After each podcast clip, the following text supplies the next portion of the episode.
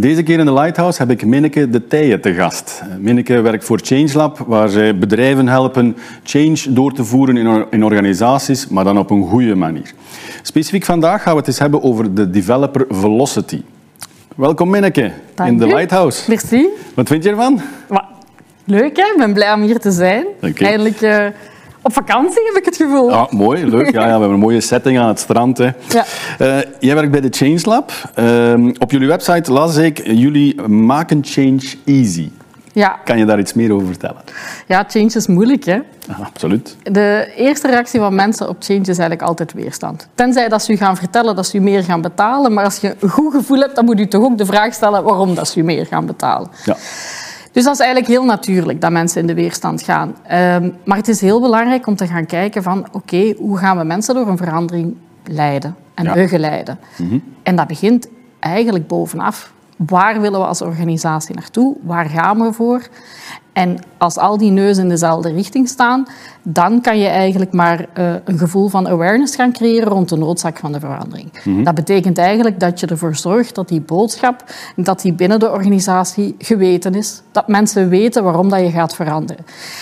En vaak stopt het daar bij veel bedrijven. Maar we hebben toch verteld dat we gaan veranderen en dat is voor het goed van de organisatie. Ehm, dus ja, ze moeten mee, de mensen. Ja, Nee. ja. Dat werkt niet. Nee, dat weet niet. Want uiteindelijk, mensen zullen vaak wel begrijpen waarom er iets moet veranderen. Ehm, maar dat wil niet zeggen dat zij mee zijn. Dat wil niet zeggen dat zij persoonlijk zin hebben om daarin mee te werken. Want ook al snappen mensen het nut van een verandering voor een organisatie, dan nog op individueel niveau betekent dat wel, ja, maar ik moet mijn werk gaan veranderen of ik moet op een andere manier iets gaan doen. Eh, ik moet op een andere plek gaan zitten. En dat is veranderen en dat is veranderen op individueel niveau.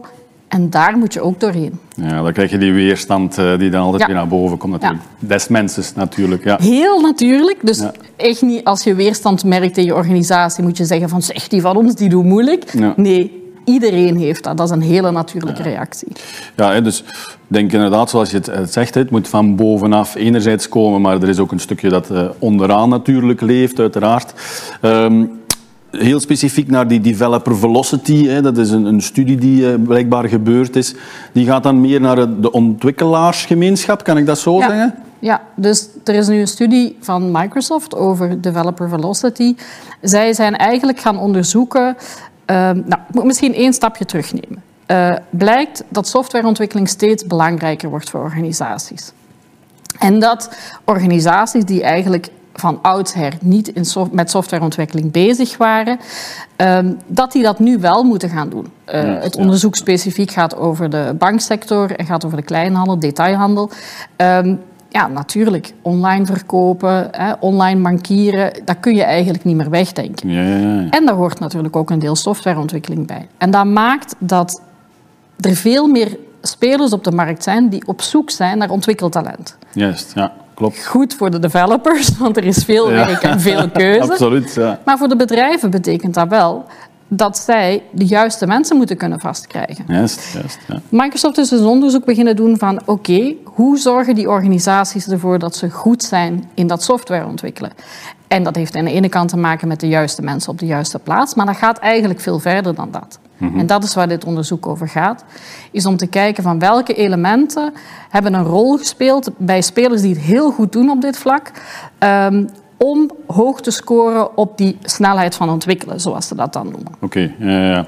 En dan krijg je met dat developer velocity, of uit die studie krijg je een soort model, vermoed ik dan, dat je kan gebruiken om beter te worden. Ja, dus ze zeggen natuurlijk wel, elk bedrijf heeft zijn eigenheid en eh, eh, zijn eigen sp- specialiteiten. Maar ze ja. proberen daar toch een aantal lessons learned uit te trekken eh, voor de banksector, voor de detailhandelsector, maar die ook, dat je ook zou extra kunnen extraponeren naar eh, andere, Ja, alle andere sectoren markten en toe. sector. Ja. Ja, ja.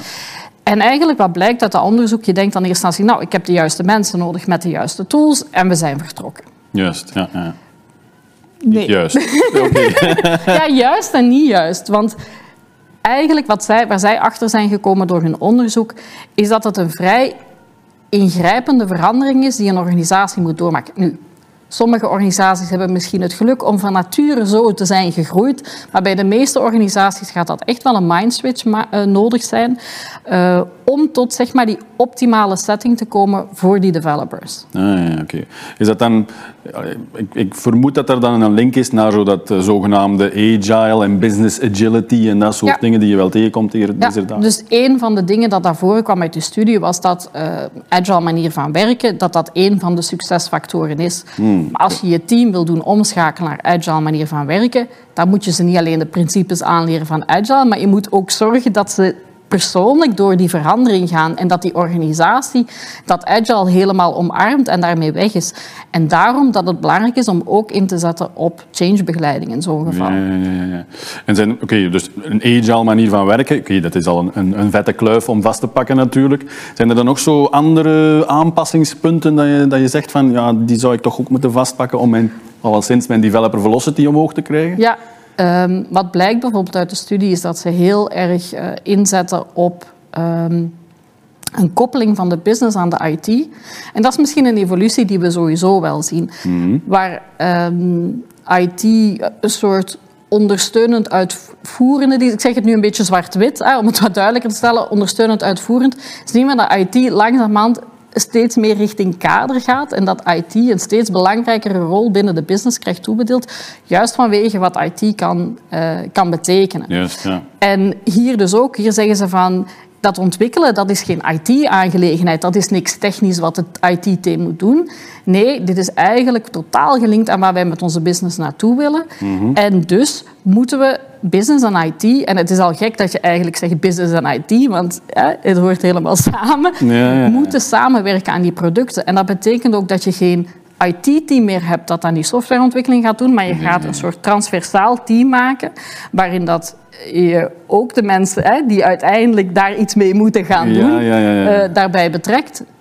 Ja, dat is, dat is dan eigenlijk weer die, die, die silo's hè, waar dan vaak over gepraat ja. wordt, die afbreken en eigenlijk ja, IT een beetje verweven, zal ik maar zeggen, doorheen je organisatie. Ja. En je krijgt dus, hele, je krijgt dus multidisciplinaire teams. Juist, ja, ja. ja, ja absoluut. Ah, ja, ik begin de link te leggen. Ja, ja.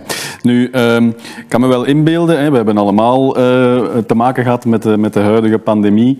Um, organisaties hebben daar ook op moeten uh, reageren. Hè. Zichzelf voor een deel ook moeten heruitvinden zelfs. Zijn daar dan ook rekeningen mee gehouden in die, in die studie? Of, of zijn er dingen dat je dan zegt van ja, bovenop die studie zou ik rekening houden met de, de new normal, zou ik het nu maar noemen? Gaan we ook moeten ja, vastnemen? Wat uh, bijvoorbeeld uit die studie bleek, is dat um, bijvoorbeeld werken op afstand, dat dat ook een van de succesfactoren was. Ah, ja. Zo, ja. En daar, je denkt momenteel nu van ja, werken op afstand, dat doen we allemaal sinds. Uh, ja. ja sinds, hetgene waar we het niet meer over willen hebben. maar ja, we moeten af en toe wel. Uh, maar het is niet zo omdat we allemaal gedwongen zijn om te gaan werken op afstand, dat dat ook betekent dat dat een verandering is die bestendigd is. Voilà, ja. Op een gegeven moment gaan die kantoorpoorten gaan terug open. Uh, Hey, aan de ene kant zien we de voordelen van thuiswerken. Aan de andere kant merk je het ook links en rechts mensen die zeggen van... ik heb zin in om terug rond het koffieapparaat te zijn. Ik heb zin om het traject van mijn werk naar mijn huis... om dat werk te kunnen afsluiten. Ja, uh, maar er zijn ook mensen die zeggen... ah ja, maar dat is hier dan gedaan hè, en dan ga ik terug naar kantoor. Mm, ja, okay. Thuiswerken is die drempel, die, hebben we, allee, die horde, die hebben we zeker genomen. Uh, in de zin van voor veel bedrijven leek het onmogelijk. Ja, dat het onmogelijk is, dat is al het tegendeel is bij veel bedrijven bewezen. En dus die deur is opengezet. Maar er gaan wel keuzes gemaakt moeten worden. Ja. Uh, wat willen we na, na deze situatie? Uh, er gaan veel stemmen op voor een soort hybride werken. Maar uiteindelijk is het dan pas wanneer je niet meer die externe druk hebt van de pandemie, mm -hmm. dat je uh, die verandering kunt gaan verankeren. Dus ook daar gaan we nog moeten inzetten. Ja, echt het bestendigen en inbouwen Ja. en structureel En inbouwen. nu voelt het ja. voor sommige mensen als een externe dwang aan en niet iets als wat, wat hun keuze is of Ja. waar ze voor gaan. Klopt, klopt, klopt. klopt. Oké, ja, dat, dat- heel wat werk op de plank, zou ik zeggen, voor Ja. toch wat organisaties. En ja, heel veel die inderdaad die development spier aan het, aan het kweken zijn en op een goede manier willen kweken. Ehm, stel, ik wil daar nu mijn eerste stappen in gaan zetten en ik zeg, ah ja, Minneke, ja, ik ga aan mijn developer velocity werken. Wat zou nu mijn eerste stap zijn? Mij bellen? Nee. Ja, dat zou de eerste Nee, stap zijn. Dat zou de tweede stap zijn. Ja. Ehm, Nee, ik denk dat je, dat je sowieso met je kader moet gaan kijken van waar willen we naartoe? Wat zijn onze doelen? Wat is onze visie? Waar willen we gaan? Is dat effectief een digitale strategie waar je in gaat zetten op softwareontwikkeling? Nou, dan zou ik je aanraden, lees absoluut een keer die studie. Is zeer bevattelijk. Eh. En je geeft je echt wel aanknopingspunten. Bekijk dan binnen jouw organisatie waar jullie nog niet voldoen aan de vereisten die daar gesteld worden en aan de dingen waar je wel aan wil voldoen. Want ja, je kunt wel voor perfectie gaan, maar hè, Ja, ja, ja, perfectie is soms een illusie. Ja. En ga dan kijken hoeveel van de dingen die je moet veranderen. ehm, nou, kunnen we dat zelf? Hebben we daar begeleiding nodig? Is die kennis in huis? Moeten we die ergens gaan halen? Ja. Maar vergeet alsjeblieft niet om in te zetten op je mensen. En met inzet op je mensen bedoel ik, hou er rekening mee dat veel van die dingen die daarin staan echt een andere instelling en een andere werkwijze van je mensen verwachten. En hoe beter je dat begeleidt, hoe sneller je door je veranderingsproces gaat gaan, hoe eh, minder geld je je er uiteindelijk aan gaat geven. Ja. En ook hoe ehm, meer verankerd het is binnen je organisatie. Dus uiteindelijk komt het dan toch op ROI neer. En dat betekent gewoon, die investering gaat meer renderen. Ja, juist. Ja. En dat, dat wil iedere, iedere beslissingsnemer en, eh, en leider. Ja. Oké, dus ehm, change is niet gemakkelijk, maar het is We aan ons om het zo Ja. gemakkelijk mogelijk te maken. We doen ons best om het makkelijker te maken. Dankjewel, eh, Minneke. Ik heb eh, veel bijgeleerd en dit was weer zeer interessant in The Lighthouse.